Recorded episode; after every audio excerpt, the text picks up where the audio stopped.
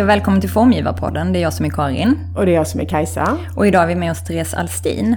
Therese är utbildad industridesigner vid Lunds universitet och en av grundarna till airbag-cykelhjälmen eh, Hövding tillsammans med Anna Haupt. Efter Hövding startade Therese en kommersiell plattform för utvald design av kvinnliga formgivare vid namn NoSir. Eh, med objekt och formgivare från hela världen. Idag arbetar Therese på Formdesign Center med att driva utveckling inom designområdet och ansvarar bland annat för det nya internationella designeventet Southern Sweden Design Days. Hej Therese och välkommen till Formgivarpodden.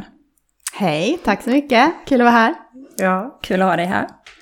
Eh, som vi sa i introt så är du ju formgivare i grunden. Eh, och ditt eh, examensarbete Hövding som du gjorde tillsammans med Anna Haupt blev en riktig framgångssuccé. Kan du berätta lite om den resan? Absolut kan jag göra. Det är ju en eh, otroligt eh, stor fråga eh, eftersom eh, Hövding var liksom eh, hela startskotten på min karriär och liksom någonting som jag eh, levde för kan man väl säga under tio års tid. Så det rymmer ju så otroligt eh, mycket. Men eh, för att gå tillbaks till allra första början så, så eh, pluggade jag industridesign tillsammans med eh, min kollega Anna Haupt. Eh, och eh, som examensarbete så valde vi att ge oss på utmaningen att eh, komma fram till ett nytt alternativ eh, på en cykelhjälm som skulle få fler människor att börja cykla med eh, ett skydd. Eh, skydda sig i trafiken. Eh, och eh, vi gjorde det utan uppdragsgivare så det fanns ju ingen, liksom, inga begränsningar i, eh, för, vad, för vad vi skulle kunna göra för koncept. Och det gav väldigt fria tyglar liksom. Och lösningen på problemet blev eh, en airbag-cykelhjälm som man bär som en krage kring halsen eh, med en airbag inuti eh, och som känner av hur man rör sig hela tiden och som också känner igen när man hamnar i en form av olycka.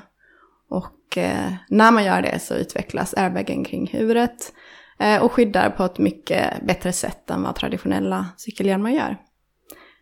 Och ja, det tog åtta år av teknisk utveckling att eh, förverkliga den eh, väldigt nya, liksom, eh, radikala eh, typ av cykelhjälm som det ju var. Och eh, väldigt mycket ehm, trial and error, liksom. Jättemycket stånga sig blodig mot myndigheter, kämpa mot eh, standarder och direktiv för att få ett godkännande på cykelhjälmen och såklart också väldigt mycket kämpande mot nej-sägare och tvivlare som absolut inte trodde att det skulle någonsin gå att eh, lösa den här produkten. Eh, och också såklart att rekrytera ett fantastiskt team med extremt många olika typer av spjutspetskompetenser eh, för att lösa alla de tekniska utmaningarna som fanns. Eh, och eh, enorma mängder kapital. Det krävdes ja, men kanske 130 miljoner kronor i riskkapital som vi var tvungna att ta in för att förverkliga den här produkten och få ut den på marknaden. Ja. Men hur långt gick det, alltså från, för det var ett examensarbete, så hur långt mm. hade ni kommit när, när ni tog examen och sen, eh, liksom, hur lång tid tog, tog det sen, eller liksom, hur mycket arbete var det kvar sen innan ni fick ut den på marknaden? Ja men otroligt mycket. Um, det är ju eh, väldigt begränsat med tid man har liksom för ett exjobb naturligtvis. Eh, så fanns ju inga möjligheter att, att realisera produkten utan det var ett koncept. Mm. Eh, där vi hade gjort vårt yttersta för att researcha kring möjligheterna att kunna lösa det. Så vi hade ju varit i kontakt med liksom airbag eh, eh, experter och eh, ja, men, jättemånga olika sakkunniga i olika frågor för att kunna få bekräftat om, om de åtminstone trodde på att liksom, deras olika respektive delar skulle gå att lösa. Men, men annars var det ju en, eh, ett koncept eh, som exjobbet landade i med väldigt stor potential. Eh, men det fanns ju inga bevis för någonting i, i det läget. Och jag tror att eh, från allra första början så hade vi inte heller ambitionen att, att förverkliga det. Utan alltså vi, vi, att, att bli entreprenör och företagare på det sättet var ingenting som varken jag eller Anna hade sett framför oss som ett nästa steg, utan exjobbet var ju eh, någonting som skulle ge en, en skjuts ut i arbetslivet. Eh, och någonting som vi ville skapa uppmärksamhet kring, men, eh, men inte att det skulle bli liksom ett tioårs commitment eh, och ett fullföljande på det sättet. Eh, snarare kanske, ja men vi ser hur långt vi kan ta det, eh, liksom ett steg till. Mm. Och så fick vi ett stipendium för exjobbet som också möjliggjorde att vi kunde satsa på det eh, och liksom finansiera vår egen tid eh, en liten bit fram och också kunna eh, ta patent på lösningen som, som var nödvändigt för att vi överhuvudtaget skulle kunna prata om idén med folk för att kunna ta det vidare. Mm. Men då är det ju jätteviktigt med sådana typer av stipendium som stöder nya tankar eller designstipendium mm. för att överhuvudtaget överväga att mm. kunna ta ett steg till och undersöka lite till som mm. sen kanske skapar energin liksom när man känner okej okay, det här kan bli någonting. Ja men hundra procent, alltså jag kan nog, eh, jag kan nog säga eh, att hade det inte varit för det stipendiet så hade inte produkten funnits Nej. idag. Och det visar ju vad, sån, hur viktigt det är liksom att sådana stöd finns. Ja. Um, Otroligt viktigt. För innovation. Ja. Och vi i, i södra Sverige och i Skåne ska sägas att det finns ett väldigt välutvecklat innovationssystem och väldigt många olika stödaktörer. Eh, ehm, så att vi blev ju lotsade runt liksom i hela det systemet för att ta hjälp av eh, olika, eh, olika aktörer på olika sätt i olika delar av utvecklingen. Ehm, och alla, alla steg var liksom lika viktiga. Man, man måste liksom se, det är klart att det, det är liksom en fra, framgångssaga utifrån sett. Mm. Eh, men man måste också se på, liksom förstå arbetet som har gått in i varenda liten del. Allting var ju nytt och skulle lösas, liksom varenda del av den här produkten var någonting som ingen hade gjort förut. Och eh, då krävs det eh, att man har, liksom dels, dels består ju projektet i en massa olika delframgångar, men också en väldig massa bara försök som inte leder eh, till ett resultat på det sättet. Um, och uh, det kan jag väl känna är en, uh, någonting som jag har tagit med mig från Hövding. Ett, ett mindset som liksom odlades fram under den resan att, uh, att försöken är nödvändiga. Att liksom man går in i ett projekt så måste man vara medveten om att det finns en enorm uppsjö av försök som måste göras. Eh, och allt som oftast eh, i liksom, både vad gäller individer men också organisationer så kan jag väl säga att, att man ger upp lite för tidigt. Eh, att man testar liksom ett par gånger och sen så konstaterar man att det gick inte, vad synd. Eh, och eh, framgång är liksom inte någonting som eh, vissa har lättare för än andra, utan det handlar om liksom någon slags övertygelse om att det kommer att gå. Eh, liksom ett projekt är som en labyrint, man måste in i återvändsgränder eh, jättemånga gånger innan man hittar rätt väg. Och eh, vara tillåtande i det eh, och eh, ja, men inte se det som misslyckanden när, man, eh, när, det, när det blir ett nej eller när det blir ett stopp. Eh, för även, även det måste man liksom kryssa av.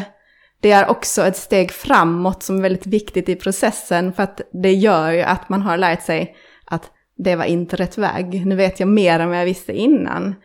Och eh, jag menar att, att inte lyckas är inte samma sak som att misslyckas, utan det betyder bara att man inte är färdig ännu. Liksom. Ja, det var väldigt fint och det är ju en reminder till, tänker jag, alla mm. med vad alla gör. Mm. Typ. Eh, och också formgivare. Mm. Eh, men efter du lämnade Hövding så startade du ju Noser. Mm. Eh, varför gjorde du det? Och vad var visionen med Noser? Varför gjorde jag det? Ja, ja men det var ju givetvis en, en reaktion på var jag, kom, var jag kom ifrån. Alltså, det har jag inte touchat vid, men Eh, avslutet från Hövding var ju eh, på grund av att eh, vi hade väldigt mycket interna liksom, konflikter. Eh, vi hade, bolaget hade tagit in en extern vd eh, och eh, det fanns väldigt mycket motsättningar i vad vi ville göra kontra vad han ville göra. Eh, eh alltså vi hade ju liksom eh, startat, vi hade gått från liksom en skiss på ett papper till, till en liksom helt banbrytande produkt som räddade liv, eh, som uppmärksammats i media världen över och liksom fått fantastiska utmärkelser och liksom resan vi hade gjort eh, hade ju gett oss en, liksom, en känsla av att eh, vi ska ta över världen. Liksom. Vi ska göra det som ingen har gjort förut. Vi, det, liksom finns inget, det fanns inget tak för vad man kunde uppnå längre. Och eh, det är i kontrast till liksom ambitionerna eh, kring att vi ska bara kränga hjälmar, vi ska sälja, vi ska eh, driva in pengar. Det, är liksom, det funkar inte. Eh, så utmaningarna för oss blev liksom för små. Eh, och i, vi hade varit liksom i en väldigt mansdominerad värld under väldigt lång tid. Eh, alltså airbag-branschen, cykelhjälmsbranschen, riskkapitalbranschen, allt väldigt, väldigt mansdominerat. Så att Noser var ju en eh, reaktion mot var jag kom ifrån. Eh, och ehm, eh, jag, jag kände bara att jag behöver göra någonting som, där, passion, där jag har passion kring vad jag gör. Jag vill omge mig med folk som jag eh, får någonting utav att jobba med och som jag får liksom, känner glädje kring. Um, och att jobba med kreatörer är ju liksom det mest spännande som finns. Det är ju fantastiska människor som jobbar i den branschen. Uh, och att få en möjlighet att skapa en, en eh, plattform, ett varumärke, uh, man kan säga en eh, retail-plattform online var det ju, uh, där jag jobbade som både återförsäljare, agent och i vissa fall även producent Eh, för att lyfta fram kvinnliga formgivare var eh, ett eh, ja, men väldigt motiverande, eh, en ny sysselsättning för mig och eh, ett sätt att få testa mina egna vingar också. Alltså eh, jag tror att både jag och Anna kände efter Hövding att det fanns ett behov av liksom att stå på egna ben, bara vara sin egen person. Eh, eftersom eh, när man jobbat så lång tid som en duo så blir det lite som att man smälter ihop och framförallt kanske i andras ögon att liksom, folk visste inte vem som var Anna och vem som var Therese. Och vi är väldigt olika som personer så att eh, det, kan ju, det pratar vi jättemycket om att det var liksom en frustration, jag måste få vara min egen person. Eh, så det var ju också eh, en ambition bakom Noser att jag ville se liksom vad jag gick för på egen hand. Och det var en fantastisk tid, verkligen. Eh, och de kreatörer som jag jobbade med då, många av dem har jag såklart fortfarande kontakt med idag. Eh, men vad jag kunde konstatera också var att hur fantastiskt spännande det, det var att få eh, testa sina egna eh, vingar så upplevde jag också det som ganska ensamt eh, och eh, eh, någonting som kanske inte helt passade mig att driva bolag på egen hand Eh, jag är liksom någon som gärna vill liksom skapa saker tillsammans med andra. Eh, och ja, men, bara känna så här att man kan dela både motgångar och framgångar med någon annan. Eh, saknade jag i det. Och därför så bestämde jag eh, efter en tid att eh, jag skulle lägga ner verksamheten. Och så kom jag i kontakt med Form Design Center. Mm. Men kände du dig um var du lika modig när du var själv? För jag, jag känner ofta att, att jag blir liksom modigare i samarbeten för att man är två. Alltså, Så känner jag med, och att liksom framgången blir större för att man delar den och motgångarna blir mindre för att ja. man delar dem. Men, men ja. hur, vad var din upplevelse när du gick från att, liksom, ni var ju ja. fler i Hövding men ändå. Ja men det som, det som är väldigt tydligt är att eh, jag är högst medveten om att när jag jobbade i en duo så blev det väldigt lätt liksom efter ett tag. Det blev väldigt lätt att liksom ta risker och eh, vara modig därför att man känner, eh, när man jobbar i, liksom, tillsammans med någon eh, såna, i ett så nära samarbete så blir man liksom alltid en spegling av vart den andra befinner sig. Eh, man känner ett, liksom ett ansvar gentemot den andra att inte ge upp. Eh, och om liksom en har en dålig dag så måste den andra anta rollen som den som pushar på. Mm. Eh, så att det man behöver när man jobbar som egenföretagare det är ju liksom hitta den där i någon annan. Eller liksom, eh, det behöver inte vara någon man delar företaget med nödvändigtvis, utan det kan ju vara liksom ens respektive eller nära vän eller vem som helst som, som man kan gå till och som bara säger fortsätt, bara fortsätt liksom. Mm. Um, eh, så det är ju en stor skillnad. Men, och, och, jag har sån stor respekt för alla som driver företag på egen hand. För att det är ju eh, mycket svårare. Men inte på något sätt liksom ogörbart. För mig, varför jag la ner verksamheten var väl snarare att jag inte kände att jag fick ut så mycket av det helt enkelt. Um, att det var inte tillräckligt roligt uh, att jobba på det sättet. Um, och eh, liksom, jag visste ju också vilket slit som låg framför mig. Att bygga upp eh, ett nytt varumärke kräver ju enormt mycket liksom, uppoffringar, mycket blod, svett och tårar. Eh, och eh, det passade inte liksom, mitt liv, det var inte vad jag ville göra där och då. Men nu då så dök ju, eller då dök väl det här upp då från Design Center, den möjligheten.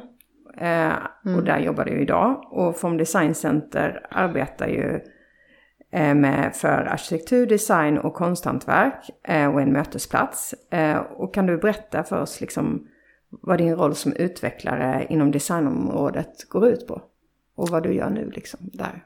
Ja, Um, ja, jag fick ju förfrågan från Form Design Center um, om att uh, komma in på, på ett förutsättningslöst möte eh, och diskutera möjligheter till samarbete efter att jag hade valt att lägga ner min tidigare verksamhet. Eh, och eh, det som jag tyckte var lockande med att, att jobba med eh, Form Design Center var ju liksom, eh, ja men det hade ju väckts eh, en känsla i mig när jag jobbade eh, med Noser, liksom den här, det här att man får jobba liksom som spindeln i nätet eller liksom någon som lyfter fram andra. Eh, och pushar andra var väldigt attraktivt för mig. Det tyckte jag var superspännande. Eh, att inte mm, ja, men jobba i en bredare roll än vad jag hade gjort eh, med Hövding på ett sätt och vis. För där var det ju liksom en produkt som var i fokus under väldigt lång tid. och nu så eh, hade jag fått testa på att eh, men, jobba med, eh, med så många fler, mer liksom, eh, som, ett, som ett nav eller samlingspunkt.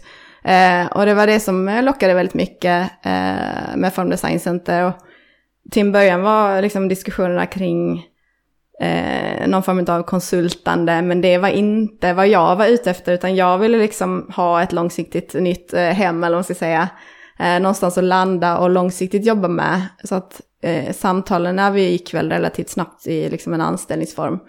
Eh, och rollen som vi landade i och som eh, inte var en roll som hade funnits där innan utan som vi formade eh, var att driva utveckling inom designområdet för yrkesverksamma designers eh, i södra Sverige.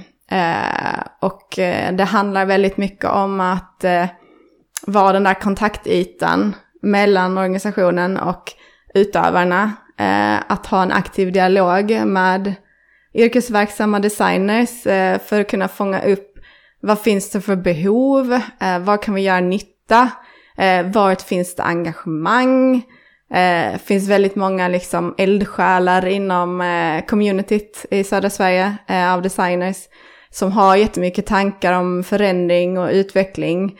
Eh, så det är en väldigt tacksam roll skulle jag säga. Det, det är liksom otroligt lätt eh, för mig att eh, se vad som behövs göras. Sen är den listan ganska lång liksom.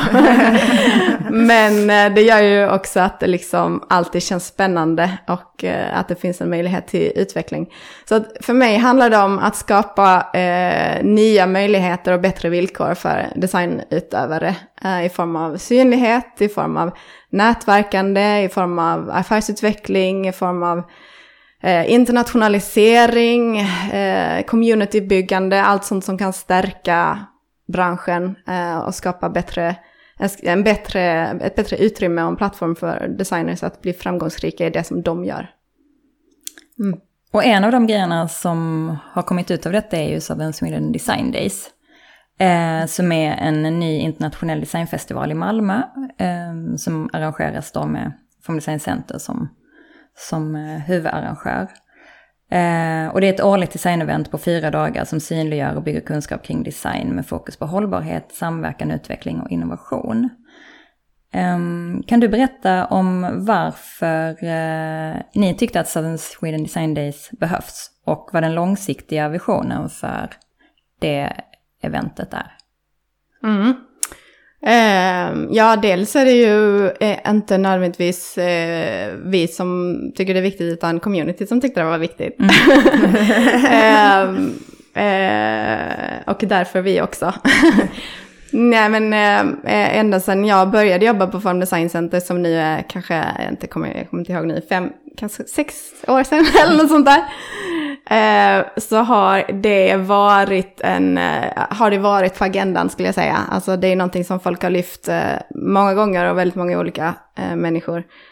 Eh, att det finns ett behov av en internationell, eh, ett internationellt designevent i södra Sverige. Eh, därför att det skulle ge möjlighet för fler att synas eh, och skapa också en plattform för mer synergier inom regionen. Eh, skapa en starkare kontakt liksom med det internationella. Eh, designcommunityt generellt består av väldigt många småföretag, enskilda utövare eh, och eh, många av dem har ju väldigt begränsat med resurser och möjligheter att ta sig långt ut i världen och medverka på designevent. Eh, både liksom eh, för att det är dyrt men också för att det är logistiskt jättejobbigt att göra det på egen hand.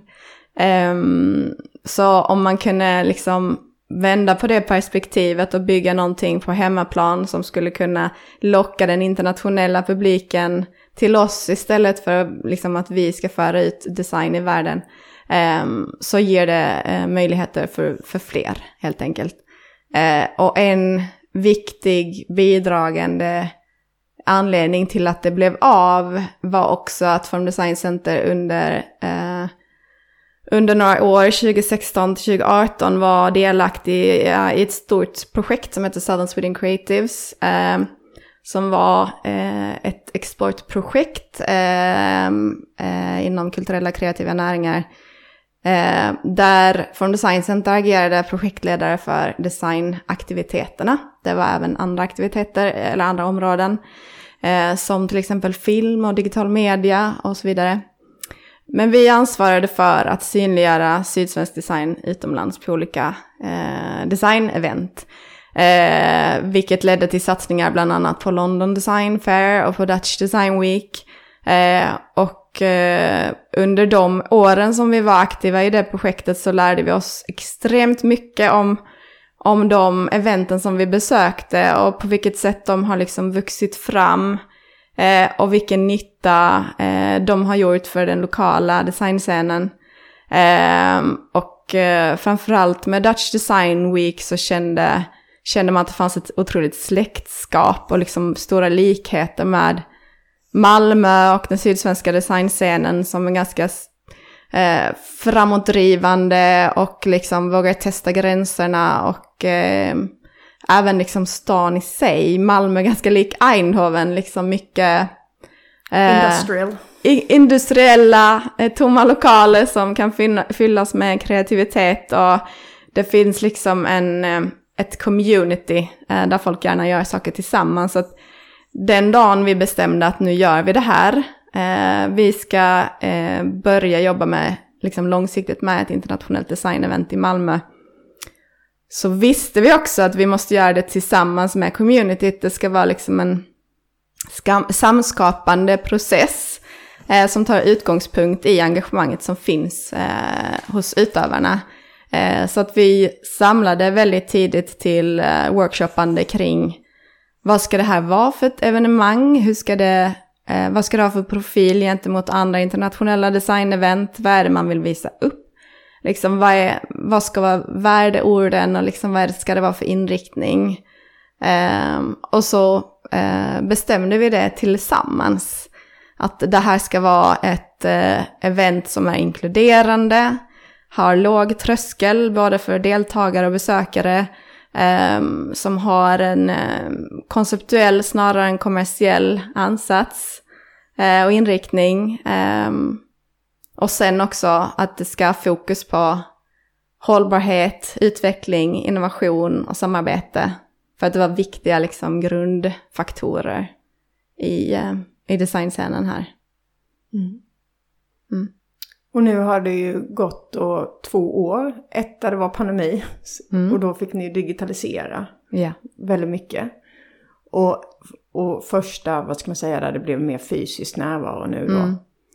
Eh, vad, vad hoppas man liksom? Det är ju väldigt svårt att utvärdera efter två år. Det är ju en liten bebis just ja. nu. Mm. Ja, lite, lite eh, eh, men vad hoppas ni på liksom inför nästa år? Om man liksom kan säga något. Eh, någon form av utveckling som man gärna hade sett. Ja men alltså det är ju inte etablerat än så att det behöver ju sprida sig till många, många fler för att det ska få den effekten som vi alla är ute efter. Så det är ju väldigt, eh, väldigt långsiktig satsning. Eh, men varje år så vill man ju att det ska nå fler. Mm. Eh, se till att sprida ordet och se till att fler besöker det.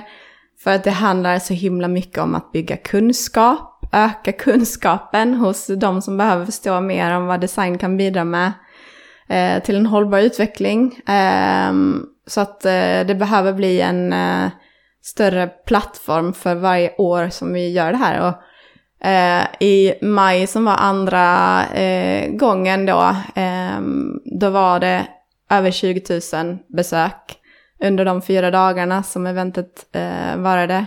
Det var nästan 400 unika deltagande inne, innehållsskapande aktörer, vilket ju är fantastiskt så pass tidigt. Ja, ehm, och eh, över 160 programpunkter i programmet. Mm. Så att eh, redan nu så har vi kommit väldigt, väldigt långt. Så att det finns ett momentum som man såklart behöver bygga på. Eh, en, eh, La lavineffekt hoppas vi på. ja men det är underbart. uh, men vad är ditt drömprojekt? Om du skulle liksom... Har du något sånt? Ja men, ja, jag kommer inte kunna vara så himla konkret här tror jag. Jag är inte så drömmig liksom av mig. Jag är väldigt här och nu-ig eh, som person.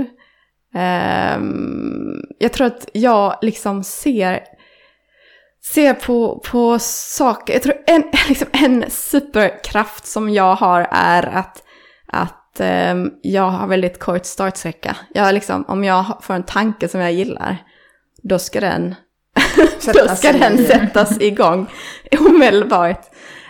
Um, så att det, det gör ju att jag ser på ja, men sånt som andra kanske kan se som lite så här avlägset och i drömmarna och som dröm, dröm antyder någonstans så här att det är lite ouppnåeligt.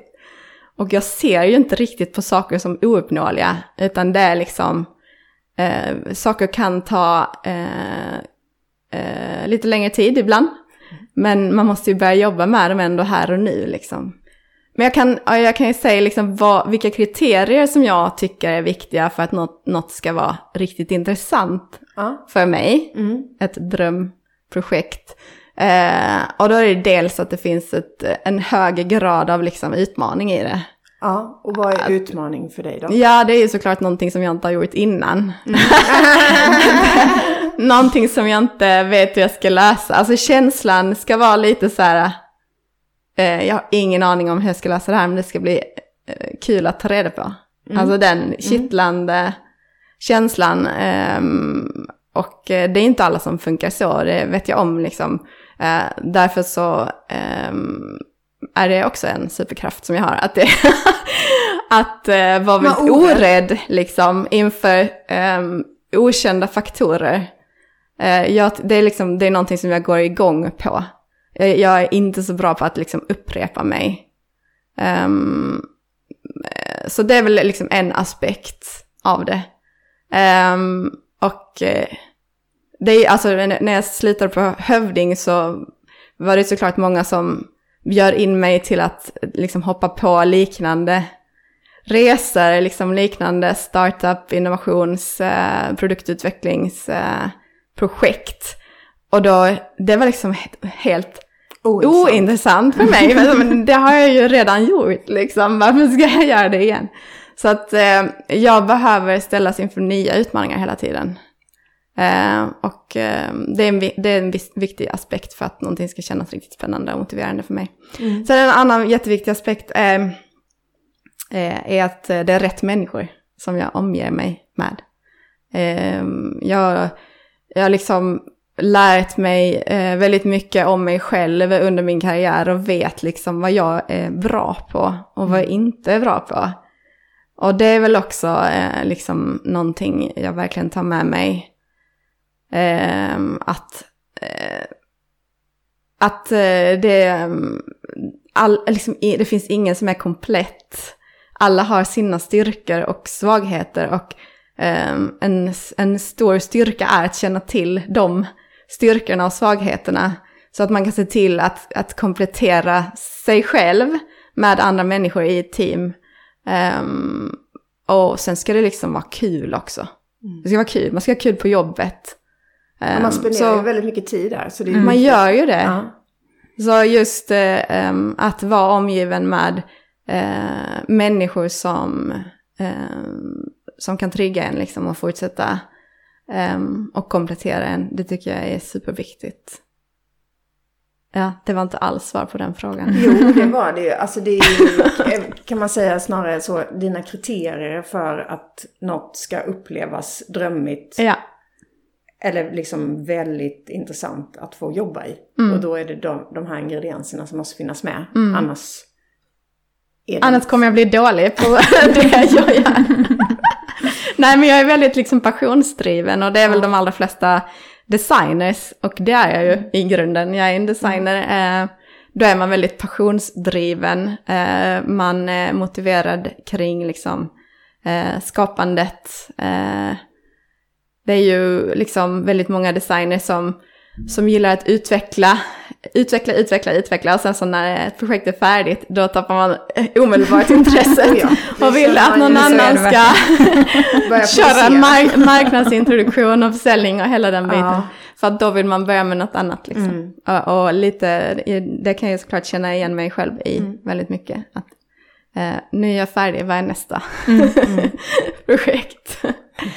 alltså jag är en ganska otålig eh, person och eh, rastlös person och det är jag högst medveten om. Och det är ju såklart både en, eh, en jättestyrka och också en liksom, nackdel. Så man måste se till att, att komplettera sig själv med andra Men ens aspekter. största styrkor är oftast också ens största nackdelar. Ja, och det är precis. den man måste jonglera med.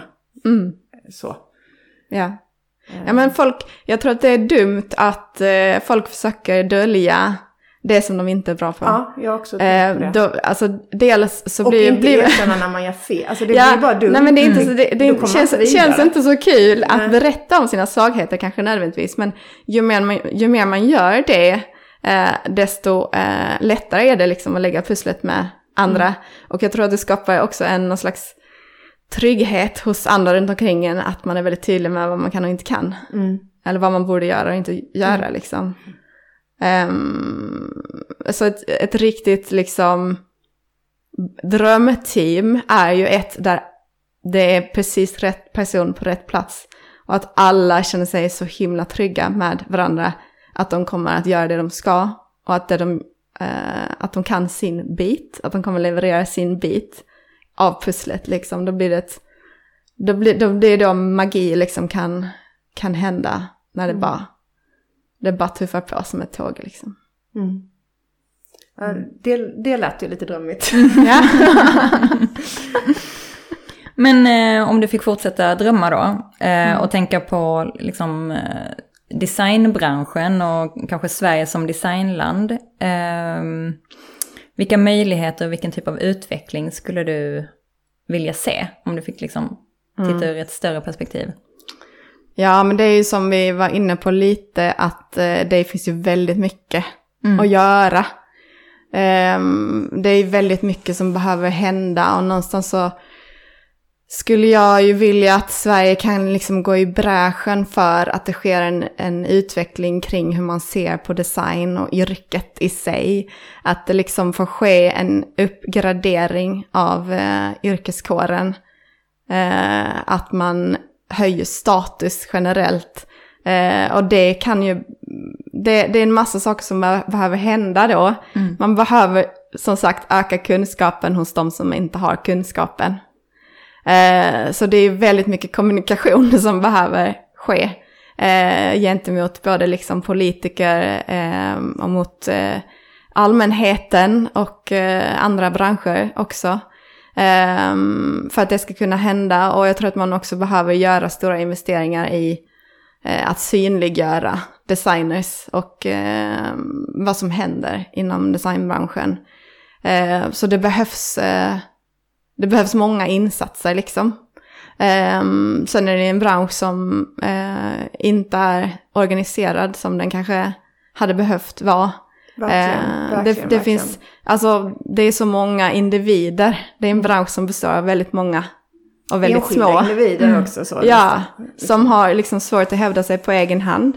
Uh, och som behöver ha um, en, en, nationell aktör som som promotar, som kan vara en stark lobbyorganisation, eh, som kan följa upp utvecklingen hos branschen, som kan synliggöra vilka som finns i branschen eh, och som kan liksom föra statistik på eh, från år till år, liksom hur det går och eh, vad man tar betalt och liksom hur man växer.